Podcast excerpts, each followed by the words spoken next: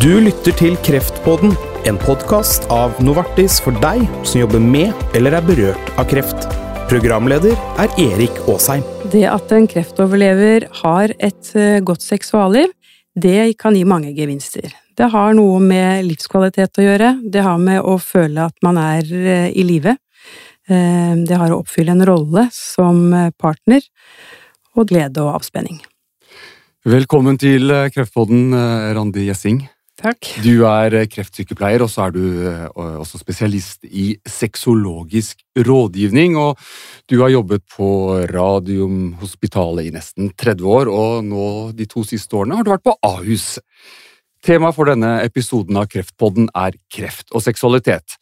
Og Randi Gjessing, samtaler om, om seksualitet er jo ikke en del av pakkeforløpet for kreftpasienter. men Hvorfor mener du at det er viktig at også dette temaet får en sentral plass?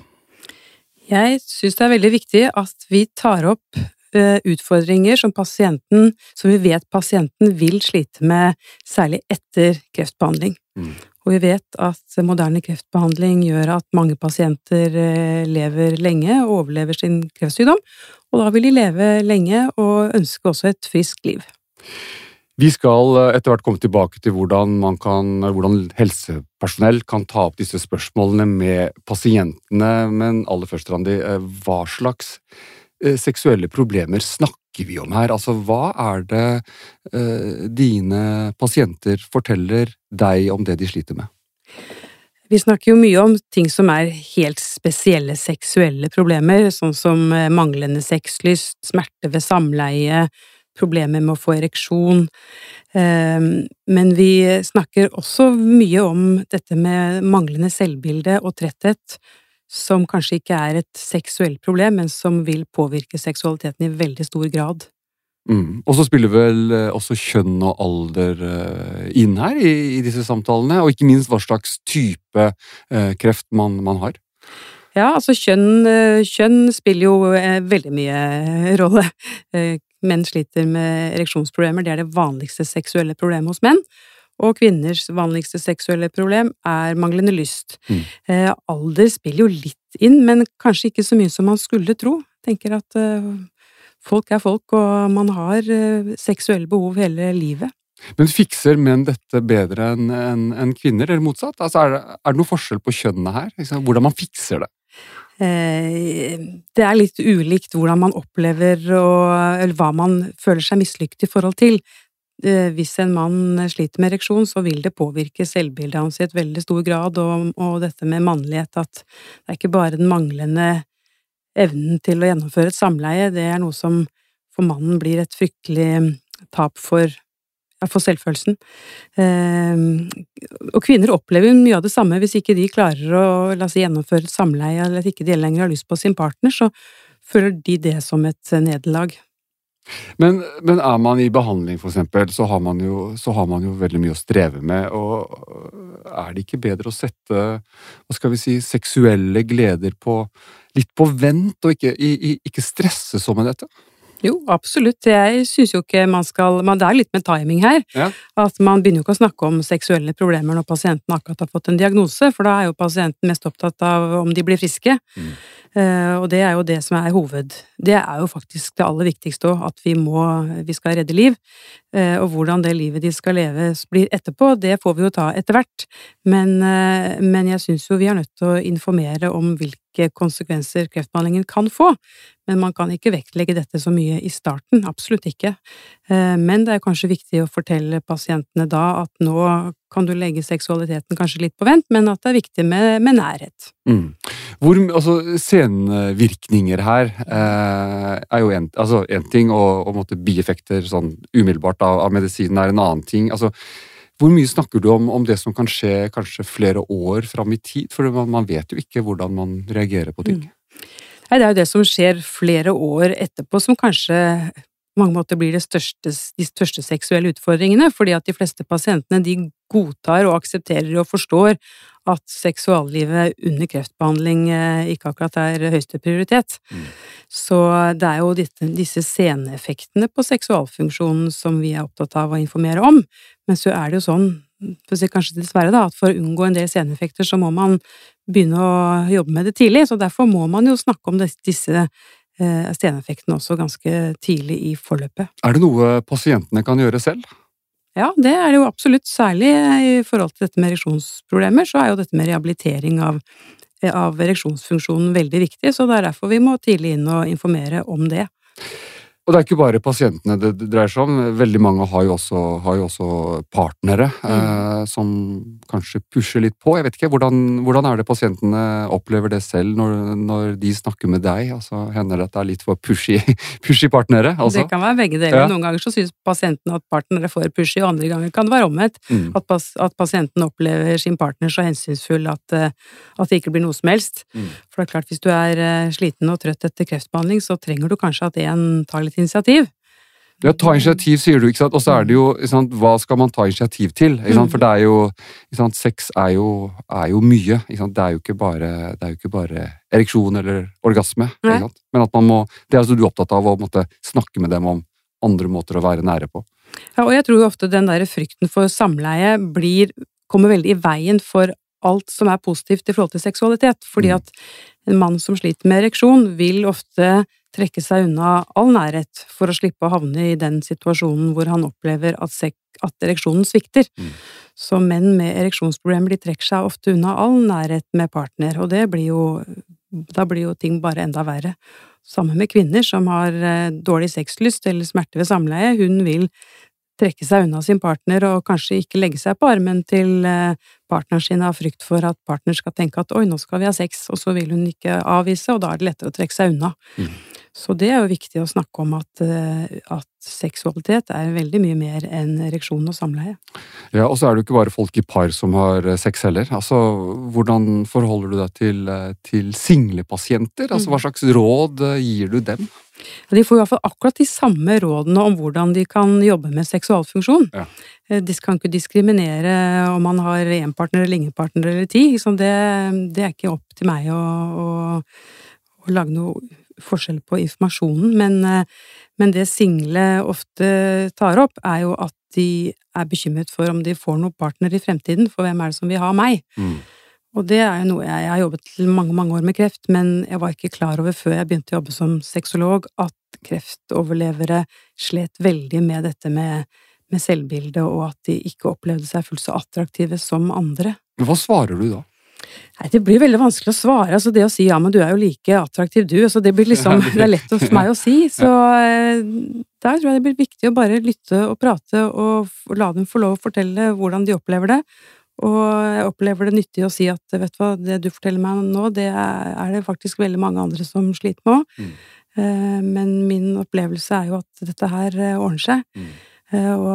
Og at man som singel skylder jo ingen å komme ut hvis man treffer en på, på byen eller nettsted. Man skal jo ikke selge, si for første gang 'hei, jeg heter Randi og jeg har hatt brystkreft', liksom. Det er noe med at man må si at man har lov å holde kortene litt inntil brystet en periode òg. Har du et typisk eksempel på når du får et gjennombrudd i en samtale og tenker 'yes, nå gikk det inn', altså nå skjønte pasienten min hva dette dreier seg om? Ja, Det syns jeg jeg opplever daglig. At, det, at, noe man sier eller noe man foreslår, så, så går det nesten sånn at pasienten får lyst til å gå ut døra og si 'nå må jeg må prøve det, fordi de, de, de skjønner kjapt mine poeng. Mm. Og mye går jo på gjenkjennelse. At jeg, jeg vet jo at dette å snakke om seksualitet er vanskelig for pasientene, så jeg begynner mest å fortelle om hva som er vanlige mm, utfordringer, og da sier ofte pasientene at hvordan kan du hvordan kan du vite hvordan jeg har det? Dette er jo akkurat sånn som jeg har det. Ja. Og den med gjenkjenningen er veldig viktig. Hei, jeg heter Anita Fredriksen. Og jeg er Anita Henriksen. Så fint at du lytter til Kreftpodden. Denne podkasten er et initiativ fra Novartis for å fremme kunnskapsdeling og faglige diskusjoner innen fagfeltet onkologi. Den er ment for deg som jobber med eller er berørt av kreft. Vi spiller stadig inn nye episoder for å kunne utvikle podkasten med dagsaktuelle tematikker. Følg med og abonner på Kreftpodden, så blir du varslet når det kommer nye episoder. Jeg heter Erik Aasheim, og temaet for Kreftpodden i dag er kreft og seksualitet. Og sexolog Randi Gjessing, vi skal snakke litt om helsepersonells rolle i å ta opp spørsmål knyttet til seksualitet med sine pasienter. Og Randi, hvordan skal en lege ta initiativ til en slik samtale?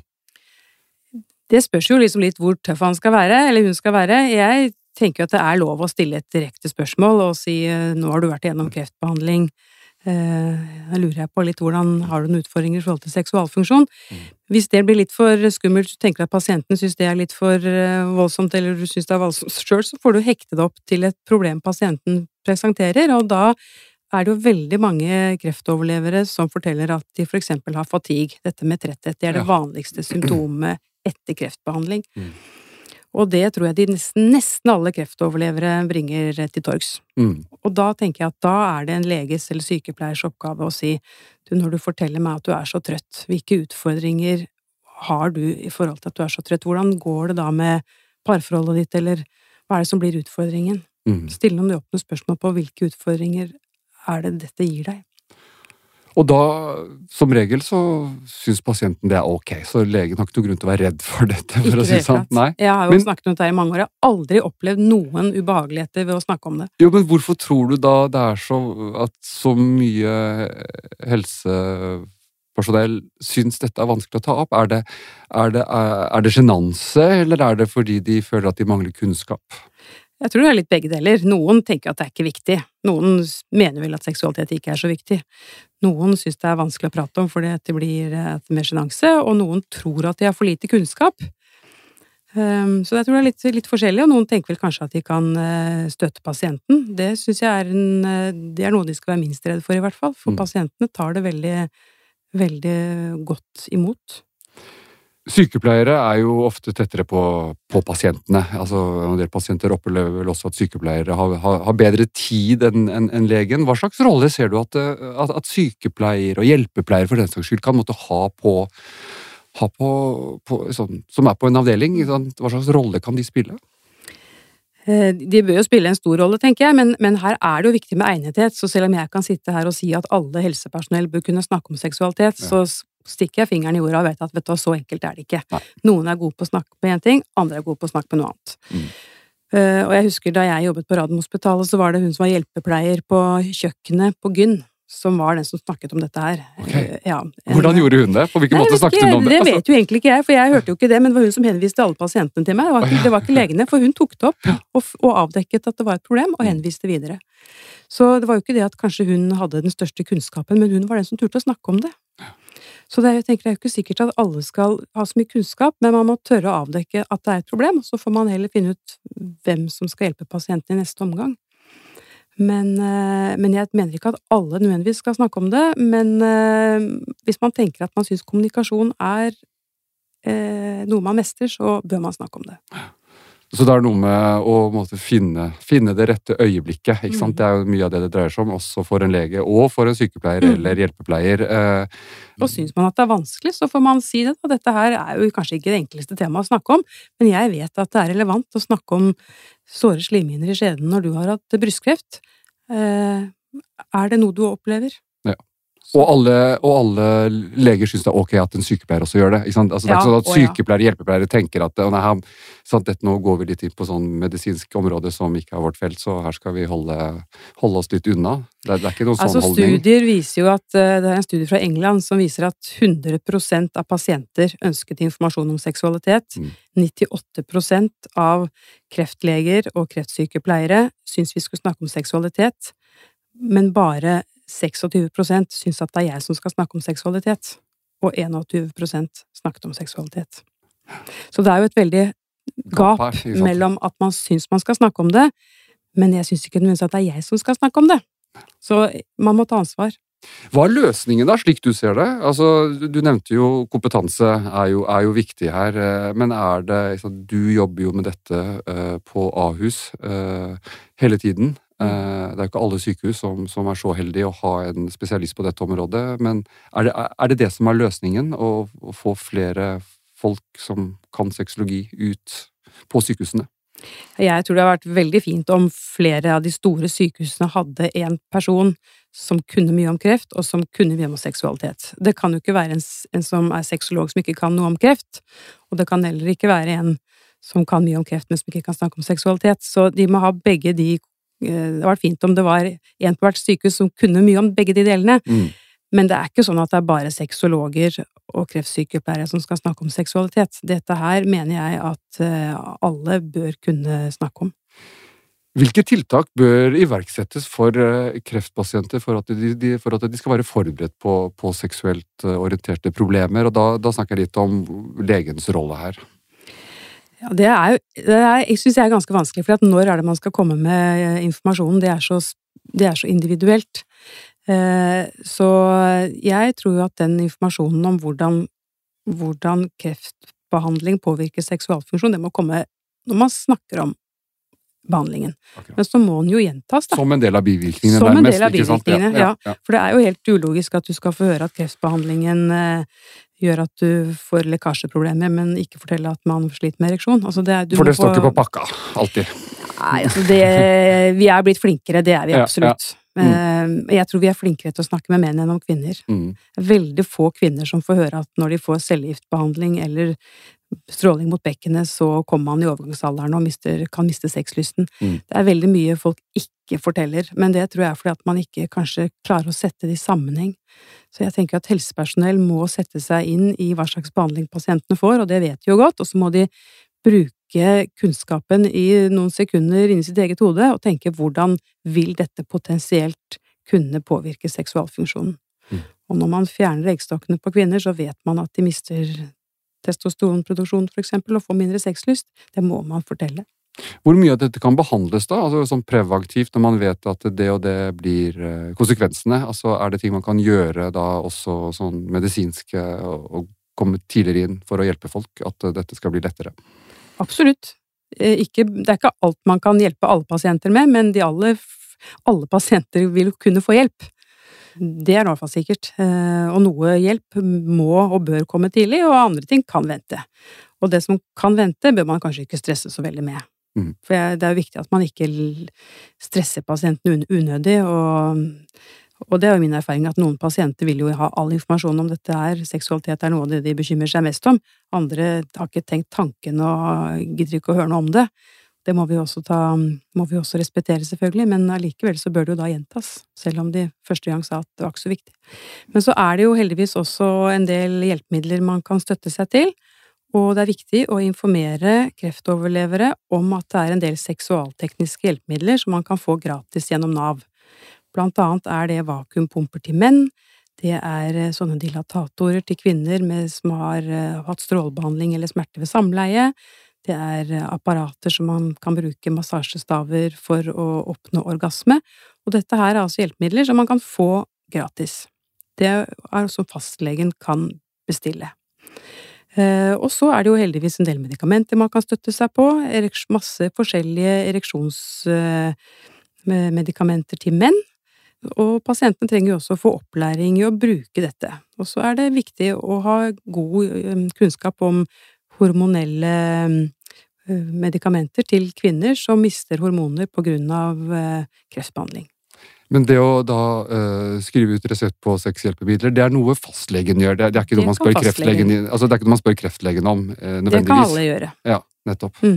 Men, men det, det, er jo et sånn, en del vil jo oppleve det som en enda større terskel. Altså En ting er å snakke om at uh, jeg trenger hjelp til å få et bedre sexliv, og jeg sliter med det, men å spørre om hjelpemidler i tillegg er vel en, kanskje noe folk opplever som da enda vanskeligere? Altså Det syns ikke jeg pasientene skal spørre om, det syns jeg vi skal tilby dem. Det er vår jobb. Det er absolutt vår jobb, og hvis vi sender en mann ut etter en prostatakreftoperasjon og ikke tilbyr vakuumpumpe, så har vi ikke gjort jobben vår. Tre ting å ta med seg fra denne samtalen. Det første er at både kreft og kreftbehandling, nesten uansett hvor kreften har eh, oppstått, kan påvirke seksualfunksjonen. Og det andre er at disse, disse utfordringene kan vedvare over tid, særlig på grunn av seneffekter som blant annet fatigue. Så det er ikke sånn at eh, Ja, dette må man tenke på mange år etterpå. Og det tredje er at dersom vi mener at seksualitet er viktig for vår helse, så har vi en jobb som helsearbeidere å, å ta opp dette, og da er det kommunikasjon og interesse for pasienten som er det viktigste. Takk til deg, Randi Gjessing fra Akershus universitetssykehus. I neste episode av Kreftbåten så får jeg besøk av Hans Petter Eikesdal fra Haukeland universitetssykehus. Han er spesialist på brystkreft med spredning, og det er altså tema i neste episode. Jeg heter Erik Aasheim. Vi høres i Kreftpodden.